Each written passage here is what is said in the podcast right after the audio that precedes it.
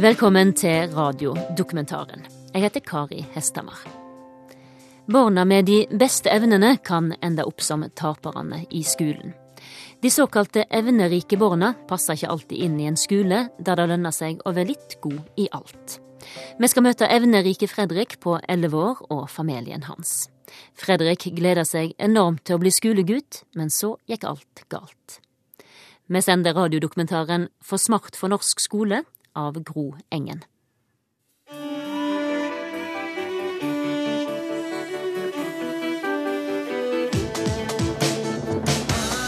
Hører vinden skriker, lag lyn for nordlyset. Fett på hver sin side, så her fins liv, det er noe som vokser i det. Men det spørs om været bærer, blir ikke varmt når det fjerner stjerner. Kommer nær til kjærligheten for atmosfæren til det der vi lever. Og den strekker seg oppover, tilbake Skolen fortalte om en gutt som var utagerende. De fortalte om en gutt som hadde overhodet ingen konsentrasjon. Som øh, slåss. bannet en gutt som lå på gulvet og brølte 'jeg hater skolen'. Det er fort gjort å havne i en eh, tanke om at her er det en diagnose. Det havna ganske mye slåsskamper og sånne ting. Det er én ting jeg husker ganske godt. Jeg går helt vanlig, så er det en jente som roper at alle, at alle sammen skal ta Fredrik. Så jeg tar og langer ut, og så treffer jeg hun som sa det i ansiktet. Fredrik passer ikke inn i den i det der mentale bildet man kan ha av et vidunderbarn eller et geni. Um, han var et barn som alle andre, men han var bare usannsynlig vitebegjærlig. Og du tenker i hvert fall ikke over at det skal stelle til problemer. Ja, sånn derre Ja, jeg kan slå på den, jeg. Blir varmt når du stjerner. Kommer nær til kjærligheten for atmosfæren til det der vi lever. Og den trekker seg oppover. til Tilbakenøkkelen kan stoppe den, og det er bare oss igjen igjen. Til det kommer en liten sommerfugl, alle sammen så annerledes ut i den.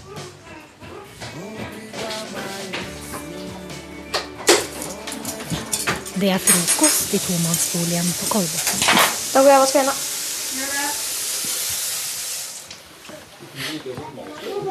Jeg lurer på hvor mange tekster jeg kan ut nå. Tre fra Carpe Diem. Så kan jeg tre fra Vinni. Så kan jeg noe av I Was Made For Loving You av Kiss. Jeg kan hele. Nei, du kan ikke hele. Du kan hele refrenget. Du kan ikke hele sangen. Ja. Mamma Kari smører matpakke, og pappa Terje titter på CD-coveret til sønnene Fredrik og Håkon. Det er aller siste skoledag før sommerferien. Sykkelnøkkelen, har du kontroll? Eh, jeg tror det. to evnerike gutter. En lillebror som gled rett inn i skolen, og en storebror som fikk problemer. En kjapp titt i speilet før han går. Den mørke luggen står litt opp som den skal. Snart elleve år. Fotballtrøye og joggesko. Hei. Jeg, jeg så på OL at eh, eh, det var en tysk neger, og det sa pappa at Hitler ikke ville likt under andre verdenskrig. Fem gutter sitter for seg selv bak skolen. Om noen timer er det sommerferie. Men guttene er opptatt av helt andre ting. Det var en soldat en gang, han hadde fått fri. Så la han seg i senga og slengte fra seg sokkene. Plutselig begynte det å røre på seg. Vet du hvorfor? Det var så mye lut inni dem at sokken, sokken krabla. Det blir ikke angrepet av en engelsk ubåt var redd for at uh, Ja, men det var, nordmenn, det var nordmenn som senket Blücher, da. Ja, men det var en uh, tysk ubåt som um, Tysk ubåt? Sa engelsk? Nei, uh, engelsk ubåt eh, som da prøvde å skyte på dekk.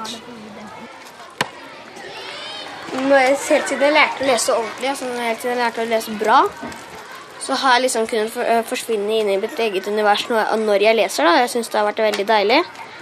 I løpet av noen måneder leste Fredrik 5000 sider. Han slukte alle Harry Potter-bøkene. Han brydde seg ikke om elevene mobbet ham for å lese i friminuttet.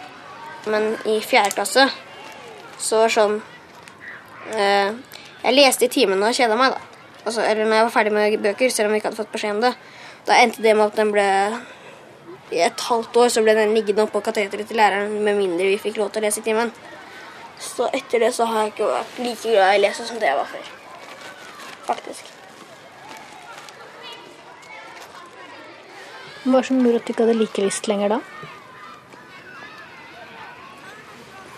Det var bare at jeg fikk ikke lov til å lese. Og da mista jeg liksom interessen for det av en eller annen grunn. Så jeg leser ikke så mye som jeg gjorde før.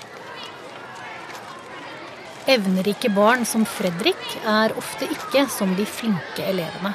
De liker ikke å repetere, de gjør ikke alltid som læreren sier, men de ser lettere sammenhenger og har et høyere akademisk potensial enn barn på samme alder.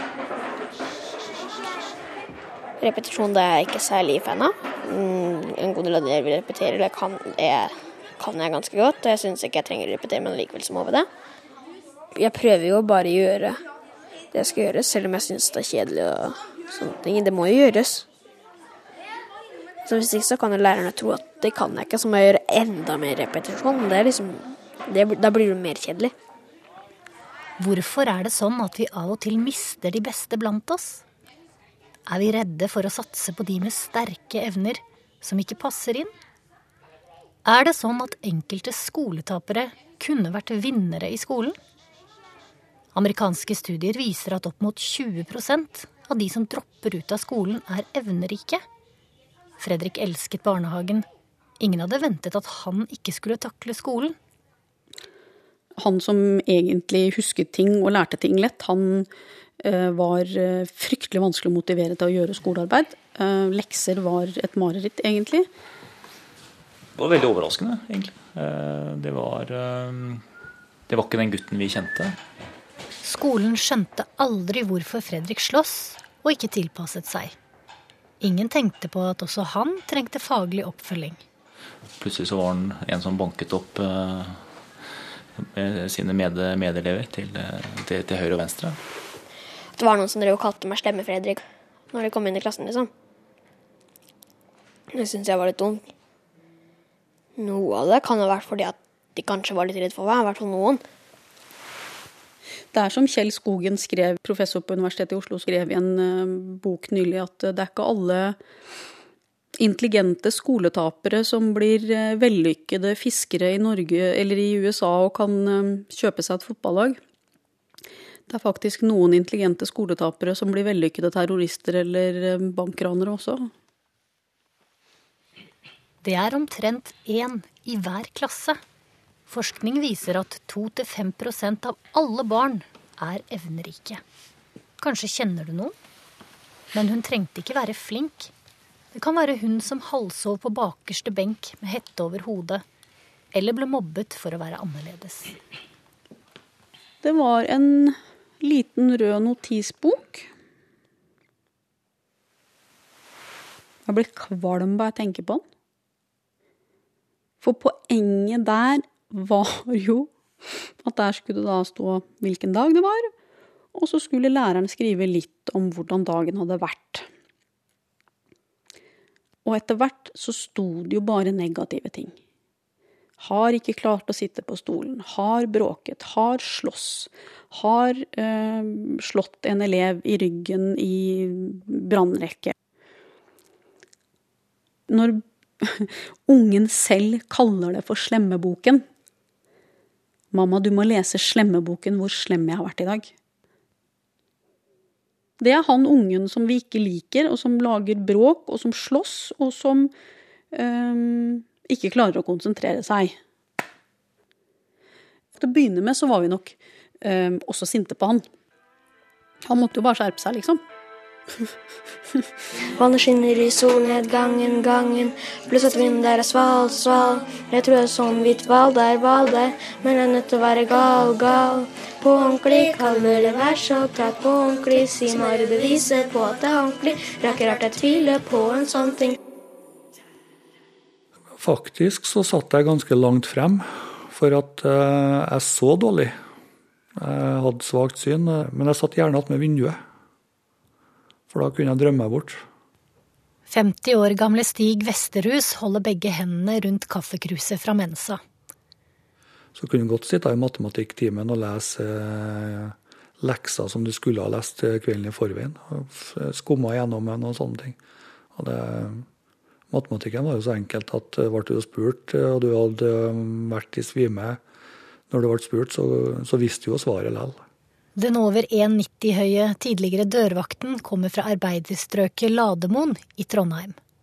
Foreldrene hadde nok med sitt. Ingen av dem brydde seg om hvordan jeg gjorde det på skolen. Altså, I løpet av den tida jeg gikk på skolen, så tror jeg aldri jeg viste frem noen lekser eller spurt om hjelp til noen lekser. Jeg ble aldri spurt om jeg trengte hjelp eller noen ting. Og det passa jo meg veldig bra, for jeg gjorde jo aldri lekser, ikke sant? så jeg syntes det var greit. Så jeg har nå gjort meg noen tanker, det har jeg nå gjort, da. Den gangen eh, jeg gikk på skolen, hvis det har vært litt mer oppfølging hjemmefra, uten at jeg skal legge noe ansvar på dem, så kan det jo være at jeg har fått utnytta evnene litt bedre. Kanskje jeg har vært litt mer strukturert. ikke sant?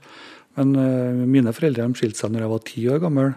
Og da strakk jo ikke tida til for noen av dem. Og jeg fant jo ut i etterkant. altså Jeg var jo 21 år da fant ut at mora mi var alkoholiker. Og da eh, var det en del brikker som falt på plass med henhold til oppfølginga i tidligere år òg. Da Vesterhus tok Mensa-testen som voksen, ble resultatet en IQ på 180. Kravet for å komme inn blant de smarteste er 131. Hvorfor så ingen på skolen at han burde prestere bedre enn middels? Jeg har ikke noe fasitsvar på det. Men det er klart at har du hatt eh, lærere som har eh, vært ansvaret sitt bevisst, så har de skulle ha skjedd det der ganske tidlig. Jeg skal ikke beskylde noen for noe, det er ikke det. Men eh, det ble for enkelt. Men mange sier jo i dag at uh, men disse barna som er, har så gode evner, de klarer seg jo selv. Ja, det er jo det alle sammen sier, men de gjør jo ikke det. Det er det som er helt feil. Det er det som eh, skolen ikke forstår. Lærerne ikke forstår. At de elevene klarer seg ikke sjøl. Fordi at de får jo ikke noen utfordringer. De får ikke uh, eh, testa seg sjøl. Og det er klart at da, da har du som skole og som lærer feila. Det er ikke noe å diskutere. Familien til Fredrik var bekymret for hvordan han hadde det på skolen. Og jeg ringer PPT anonymt fordi at jeg ønsket å høre en annen fagpersons vurdering av dette. For han var jo der at han hadde atferdsproblemer på skolen. Og under samtalen med denne damen hos PPT, så forstår jeg at hun har vært på skolen denne dagen. For hun sier 'Å ja, er det han?' Ja, sa jeg, har du snakket med skolen i dag? Ja, de hadde hatt et møte og diskutert han. Og han driver jo og selvskader seg. Hva? sa jeg. Og så refererer hun da til en hendelse i skogen hvor han hadde tatt en pinne og slått seg selv i øyet med vilje, som selvskading. Eh, og da rakna jeg eh, virkelig. Um, og så ønsket vel også skolen at vi skulle henvise til eh, barne- og ungdomspsykiatrisk.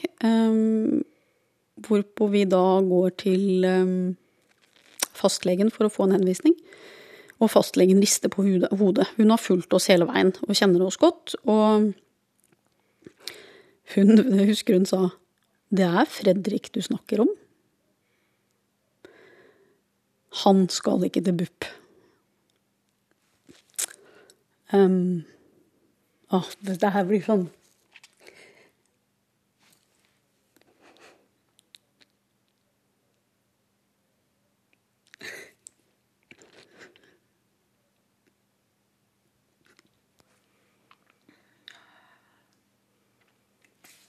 ungen din har det vondt, så sitter det i hjertet lenge etterpå.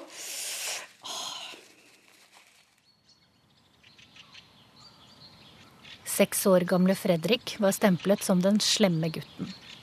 Men pinnen i øyet, som læreren trodde var selvskading, viste seg å være et uhell.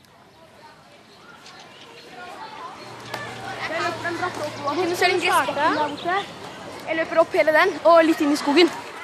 Det har blitt tradisjon med stafett siste skoledag på Kolbotn i Akershus.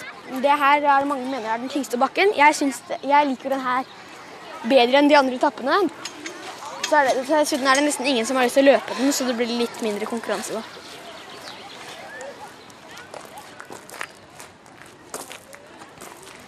Du sa en gang at gym var favorittfaget. Hvorfor er det det? Jeg liker å være i fysisk aktivitet. Noen små hopp, høye kneløft, og Fredrik er klar for fjerde etappe.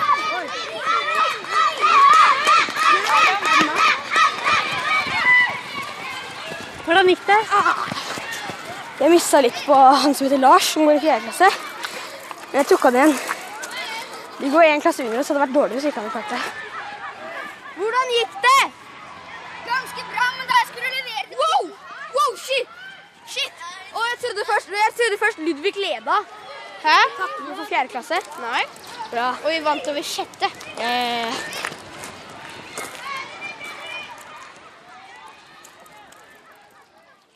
Så satt han her hjemme en ettermiddag og gråt fordi at han, han hadde De hadde vel hatt noe sport på skolen, noe gym, og han hadde ikke klart å løpe like fort som han som løp fortest i klassen. Eh, og han hadde ikke klart å eh, slå ballen så langt som han helst ville. Og så gråt han så snørr og tårer rant. Mamma, jeg har lyst til å være god i noe som de andre gutta syns er kult.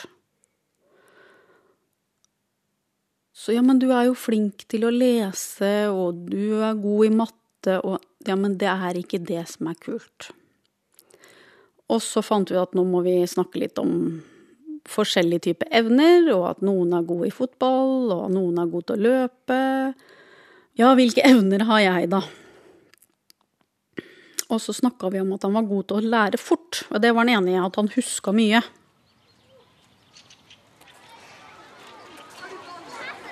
Håkon, Håkon. Du, når du begynner å jogge når du ser den nærme, så må du ta deg litt igjen, så tar du pinnen.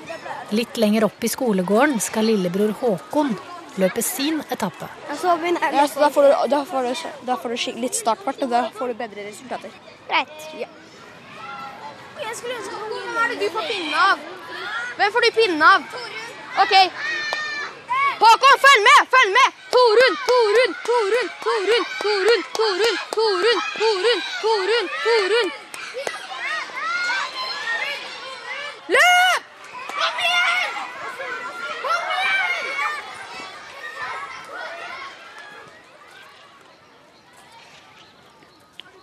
Og så fylte han da syv år sånn noen få dager etter at skolen sluttet. Og vi hadde jo alltid hatt bursdag sånn cirka på bursdagen hans, så da uh, satte vi opp det den, det året òg. Og så inviterte vi alle guttene på trinnet. For det var ikke så mange. Det var tolv gutter, og det kan jo være utfordrende nok. Men vi fant ut at vi skal takle det. Så håper vi at det er fint vær for deg sommeren. Og det som faktisk skjedde, var jo at det var en god del som meldte at de var De hadde reist bort allerede, da. I og med at skolen hadde stengt, så var det en del som reiste bort allerede. Så det var bare en syv-åtte stykker som skulle komme. Og så fant vi at det passa jo egentlig fint, for da slipper vi å ha så mange gutter innendørs hvis det regner. Og så kommer vi til den dagen hvor det er bursdag, og så skjønner vi at det blir bare én som kommer. Den eneste vennen Fredrik egentlig hadde i første klasse. De andre meldte via SMS og diverse at de kom ikke allikevel. Og det var et fantastisk sommervær og nydelig. Og vi hadde tenkt å være ute, og så detter krona ned. Skal vi avlyse bursdagen? Og så forklarer vi Fredrik at du vet, det er, det er skolen har sluttet, og det er mange som har reist bort, og den og den har blitt syk, vet du, så kanskje vi skal avlyse i dag? Så kan vi lage bursdag til høsten når dere har begynt i andre, etter skoleferien. Nei, det ville han ikke. Det var veldig viktig å ha bursdag den dagen. Og så heldigvis så har jo denne gutten som hadde sagt ja til å komme, han har da en lillebror og en lillesøster Og så inviterte vi like godt hele den familien. Og så ble det bursdag. Vi satt på verandaen og grillet, og småsøsknene føk rundt her. Og det ble gave. Så de påfølgende årene så var det jo viktig for oss å for det første invitere mange. Og så gjorde vi det på sånn type lekeland eller den type bursdager som vi visste at det var noe alle ungene egentlig hadde lyst til å gjøre. Og det var ikke like mange som sa nei fordi at det var en, et ålreit sted å være og feire bursdag òg, da.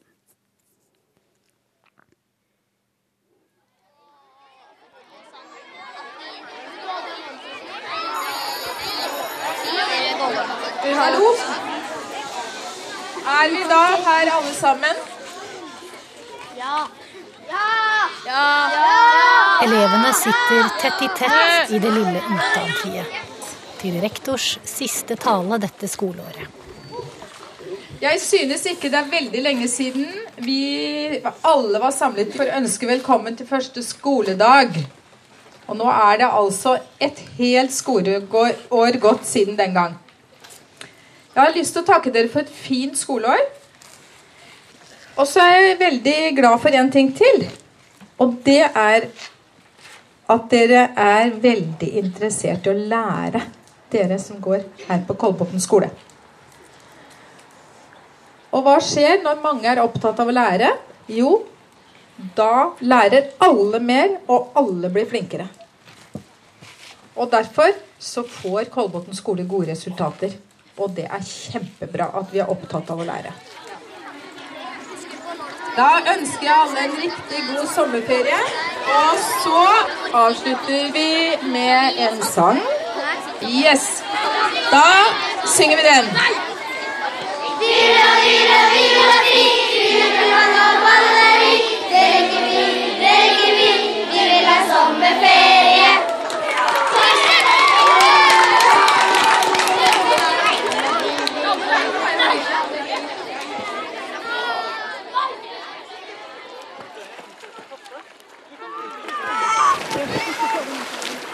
Vannet er kaldt, men endelig er det sommer og ferie.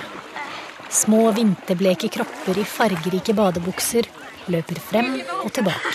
Mamma skulle tatt med så Vi skulle tatt med dykkermaske. Ja, Er det klart fint vann? Jeg mista beina. Men du har bada? Fredrik og familien er på sommerleir med foreningen Lykkelige barn. Medlemmene er evnerike barn og foreldrene deres. Broren min han jukser innimellom. da. Når han skal kaste fiskegreier, han har to steiner sånn. Så ser det ut som. Å, fem. Eller seks. Jeg er i hvert fall ny pers. De flate steinene spretter over vannet på Geilo. Han er ikke den flinkeste på fiskesport, men han klarer det ålreit. Fredrik ble utrygg da han begynte på skolen. Han var glad i å leke og bevege seg. Han ville ikke sitte stille på stolen og høre på læreren. Etterpå så kan, har han fortalt at han var redd. Eh, han var redd for de voksne. Han var frustrert pga. uforutsigbarhet i klasserommet. Eh, og han var Ja, det ble sånn slå først og spør etterpå. Vi kan ikke måle vår sønns suksess ut fra hvor mange venner han har på gutterommet. I første og andre klasse så var jeg egentlig ganske med alene. Jeg var ikke så veldig mye sammen med andre. Men det tar tid å gå fra å være slemme Fredrik til å være snille Fredrik, altså. Fredrik fant sine kamerater etter hvert. Jeg har Fredrik til å gå ut til den øya der. Er, ja, men det er sånne steiner der. Helt uaktuelt. Hvor er Fredrik? Ja, da får du tak i han. Fredrik! Men eh, skal jeg legge på noe Du legger på noe pølse pølse.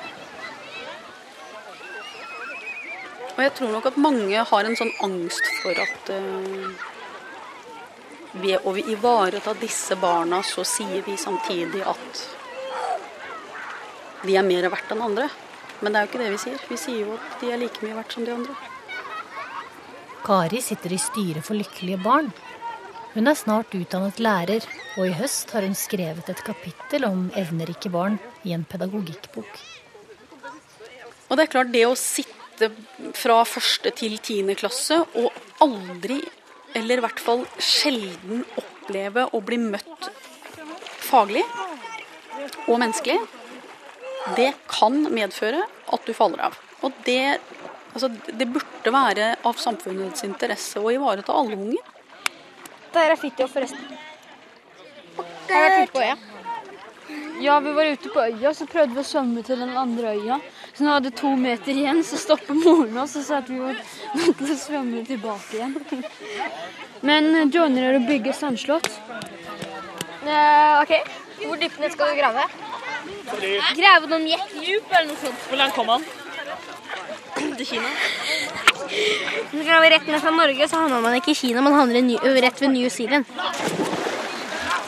Man skinner i solnedgangen, gangen, pluss at vinden der er sval, sval. Jeg tror jeg så en hvit hval der, hval der, men jeg er nødt til å være gal, gal.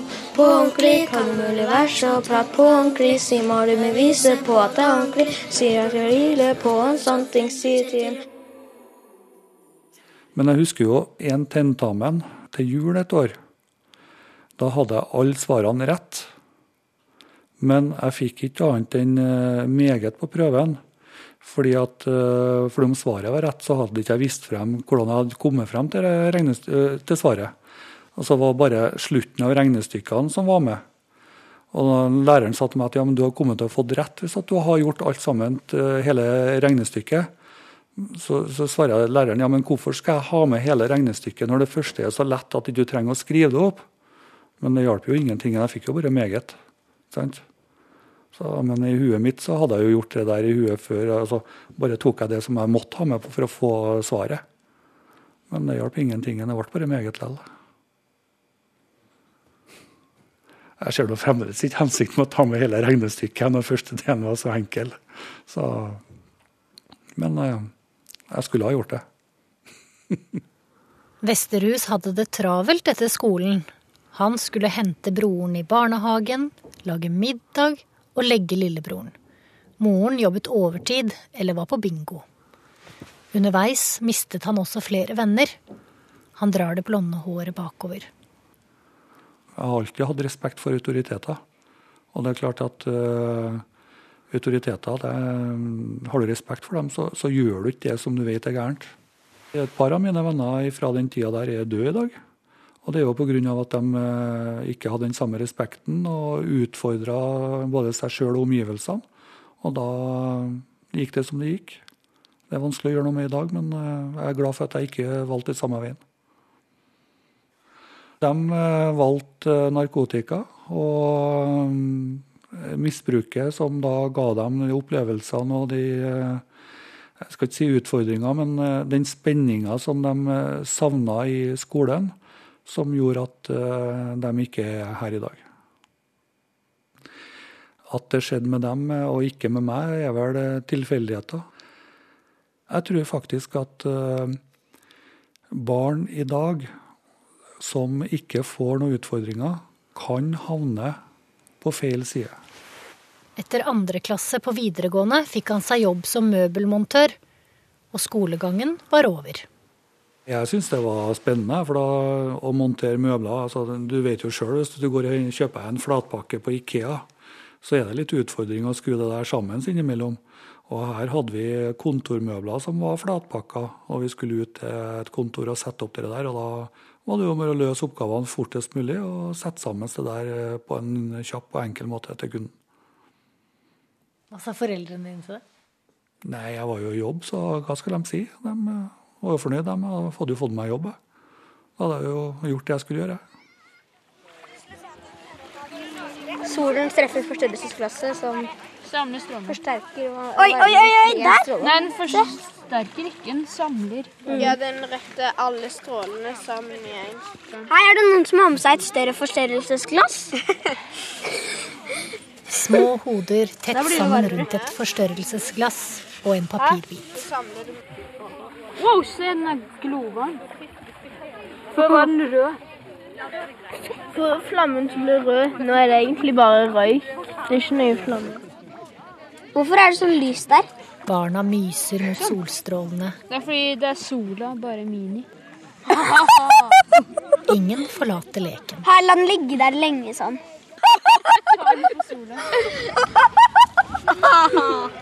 Det er derfor du får øyeskader hvis du bruker teleskop. og ser på Briller, sola. Ja. briller det funker jo som forstørrelsesglass. Se mot sola med deg. Bare hvis du er langsynt. Ja, jeg er nærsynt.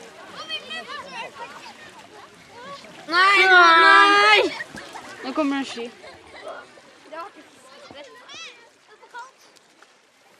Og så sier hun Ja, jeg har Han scorer jo veldig, veldig høyt, da.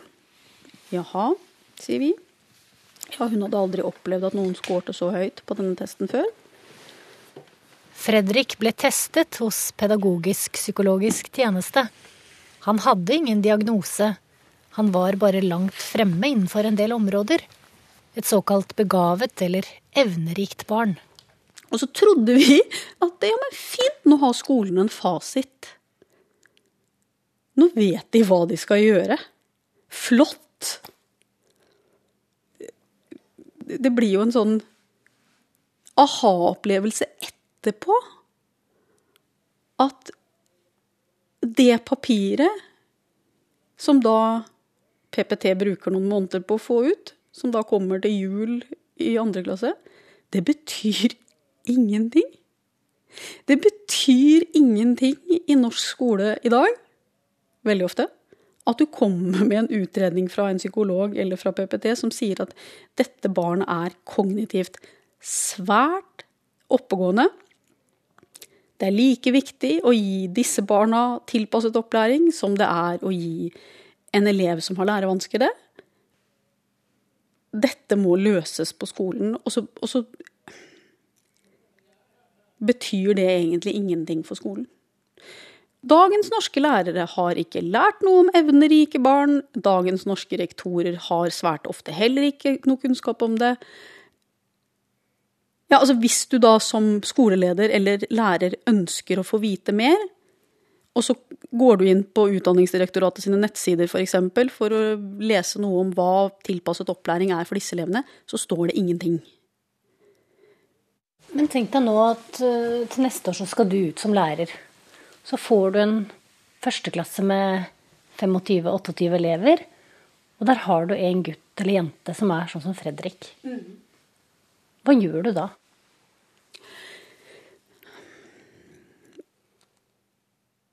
For det første så må du på en måte våge å ta inn over deg at akkurat her er det kanskje en sånn unge.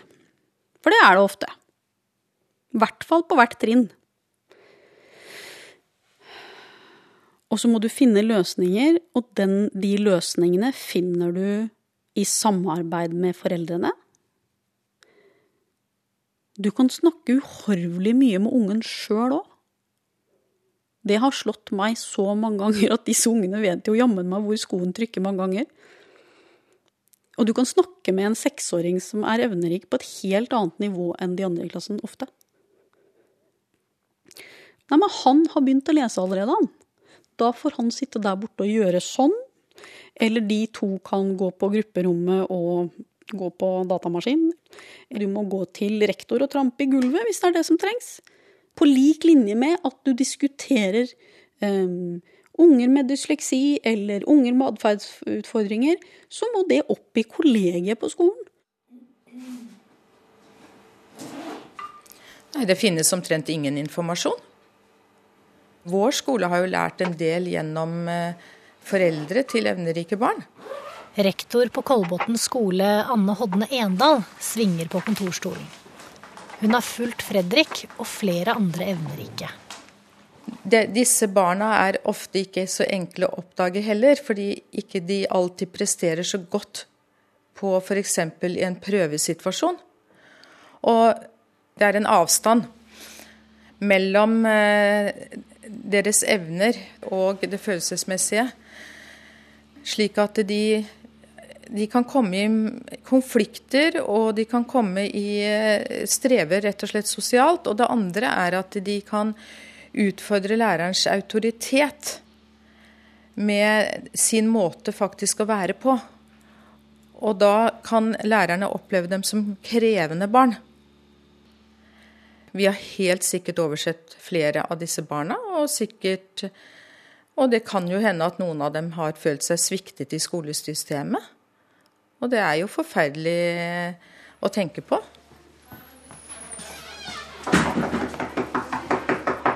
Skoleferien er over. Hei, alle sammen. Hei, alle sammen. To og to sitter på rekke i klasserommet. Fredrik er i gang med sin første uke som sjetteklassing. Ingen av oss blir fullstendig enige om hvilket tema vi skal ha. På timeplanen står det norsk. Jeg har vel lyst til å ha et foredrag om hvordan colombiske soldater samarbeider for å stanse narkotikasmuglere med kokainubåter og få med kokain til andre land, og det har ikke han lyst til å skrive om i det hele tatt. Hva har du lyst til å skrive om? Jeg vet ikke, jeg. Det er en ukeplan som blir levert ut på mandag. Eh, på den ukeplanen så er det den er nivådelt. Sånn at kanskje det laveste nivået skal lære seg fem engelske gloser, så skal det, det høyeste nivået lære seg ti engelske gloser. Hvis han ikke kan det fra før, så er det kanskje én eller to gloser som er nye, og da har han lært det på mandag når han har lest gjennom ukeplanen. Når du ligger langt foran faglig, så vil du ikke i samme grad oppleve den mestringen. Fordi at du ikke blir putta ut på den der litt skumle delen av læringskurven hvor du kanskje føler deg litt på tynn is. Vi ser at han blir frustrert av det, og at han begynner å bli lat. Altså, æsj, må jeg gjøre det? Hva er poenget med at jeg gjør det? Fredrik og klassekameraten synes det er vanskelig å velge tema for faktaoppgaven i norsk. Vil du ha noe krig eller eh, om noe fra gamle dager? Hele Ringenes herre-serien. Men dere kan skrive fakta om eh, filmen. Hvor, mange, hvor mye den kosta, hvor den ble laga, sånne ting. Kanskje litt om eh, figurene, eller hvordan de lager Gollum på De lager jo han på data, f.eks. Selve figuren ble, på, ble, faktisk spilt av et menneske med sånn innbasert ja, bandasje. Han, han, gjorde bevegelsene, og så ble det lagt inn på data. Ja. Kan det være noe du kunne tenke deg? Ja. ja. Da lager dere et velskjema om temaet Ringenes herre. Okay. Og Hobbiten. Og Hobbiten. Han skinner i solnedgangen, gangen, pluss at vinden der er sval, sval. Jeg tror jeg så en hvit hval der, hval der, men er nødt til å være gal, gal. På ordentlig, kall det mulig vers og prat på ordentlig. Si Mari vise på at det er ordentlig. Rekker at jeg tviler på en sånn ting, sier til. Eh, hvis at jeg skal se tilbake på ting som jeg kunne ha gjort, og som jeg syns var artig. Jeg husker i barneåra så laga jeg koder som var så vanskelig at ingen av mine venner forsto dem. Og har jeg skulle ha valgt noe innen den veien, så har jeg sikkert sittet og lest vanskelige koder i dag. I dag jobber Vesterhus med å selge bilstereo. Fritiden bruker han på fotball, sammen med barna. Det velstelte hjemmet bærer mer preg av konas interesser. Blomster, håndarbeid og orden. Han samler på gamle mynter og avslører stadig forfalskninger. Så vi hadde jo en liten klubb som vi kalte sånn detektivklubb, og laga egne medlemskort og alt det der. Og hadde jo selvfølgelig hemmelige koder som foreldrene ikke visste. Vi fikk faktisk laga oss et klubbrom i, i en tilfluktsrom i et borettslag vi bodde i. Og så var det en hel vegg med bokhyller der vi hadde bøkene, og vi hadde klubbskrinet vårt, som vi kalte det. Der vi hadde kodene samla, vi hadde alt sånt liggende oppi. Jeg husker jeg laga én kode som var så vanskelig at det var jo ingen som skjønte den. Men den var jo så enkel som så at hver bokstav hadde faktisk to forskjellige symboler. Så en A kunne skrives på to forskjellige måter. Så det er klart at da er det vanskelig for enkelte å forstå. Du skjønte ikke da at du lå litt foran kompisene dine? Nei, det kobla ikke jeg i hele tatt i så ung alder. Det, Det var ikke mulig. Det Nei. Jeg vet at jeg kunne ha gjort ting annerledes og valgt andre veier innen utdanning hvis at jeg har uh, gått inn for det. Så om, om ikke jeg har kasta bort livet mitt, så har jeg i hvert fall forspilt en del sjanser. Om du ikke hadde løst kreftgåten, så kunne du løst avanserte koder gjort av kriminelle. Ja, kriminelle eller fremmede makter eller noe sånt. Mm.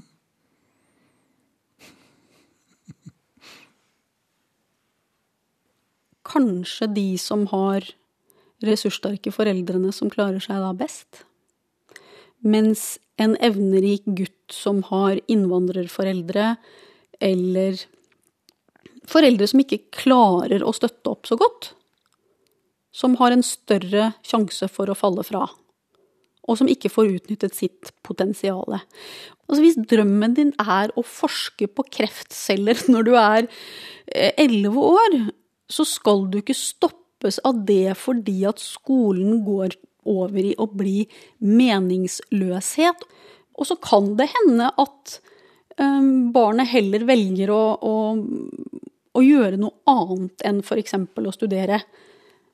Men da har vi i hvert fall holdt døra åpen så lenge som mulig. Uh, hvis jeg skal jobbe noe sånn helt vanlig, så har jeg egentlig litt lyst til å jobbe i bank. Og så har jeg egentlig ganske lyst til å bli profesjonell rapper, men det er, det er jo ganske vanskelig å få til. da. Profesjonell rapper, ja. Det hørtes kult ut. Jeg har liksom ikke laga noe, egentlig. Men jeg har ganske lyst til det. Jeg syns musikken er kul. Hvordan skal du bli det? da? Jeg må i hvert fall ha flaks. Mye flaks. Hvis jeg gjør det bra på skolen, så kan jeg, bare, så kan jeg jobbe i bank. Hvorfor må man ha flaks for å bli rapper, da? Ja, for det, du trenger ikke flaks for å bli, bli rapper, men for å bli kjent, oppdaga, så må du ha flaks. Fordi det, det er det mange som ikke har. Det er mange som må finne deg, så må du ha flaks for å få flott kontrakt og sånne ting.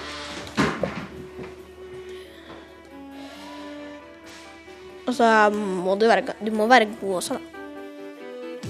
Og du ga meg et smil, sommerfuglen i vinterland. Ingen kan ta fra deg farger du viste meg. Og må drømmen du har bli sann. Sommerfuglen i vinterland. Sommerfuglen i vinterland. Sommerfuglen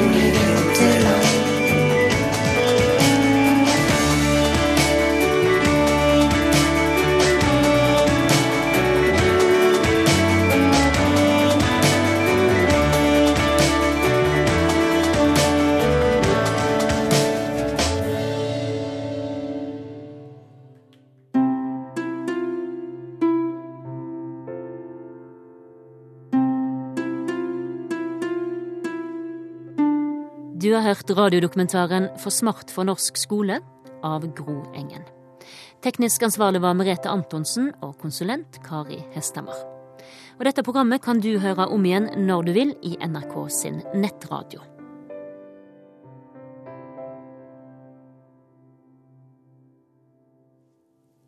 Lørdag om ei veke går Sverre Anker Austdal på scenen på Nationaltheatret i rolla som den mektige kong Lear av William Shakespeare. Det er Sverre si aller siste rolle før han blir pensjonist. Og avslutninga blir ikke som han hadde tenkt seg. Jeg har opplevd Jeg, at jeg skal åpne et stort eh, Eller et stykke og har første replikken, og at jeg ikke vet hva jeg skal si når jeg skal begynne, og står bak teppet. Men så går teppet opp, og så kommer lyset opp, og så kommer dekorasjonen frem, og sånn. Og så kommer det, det du skal si. Hør radiodokumentaren Kong Sverre, et portrett av Sverre Anker Austdal, lørdag om ei veke her på NRK P2.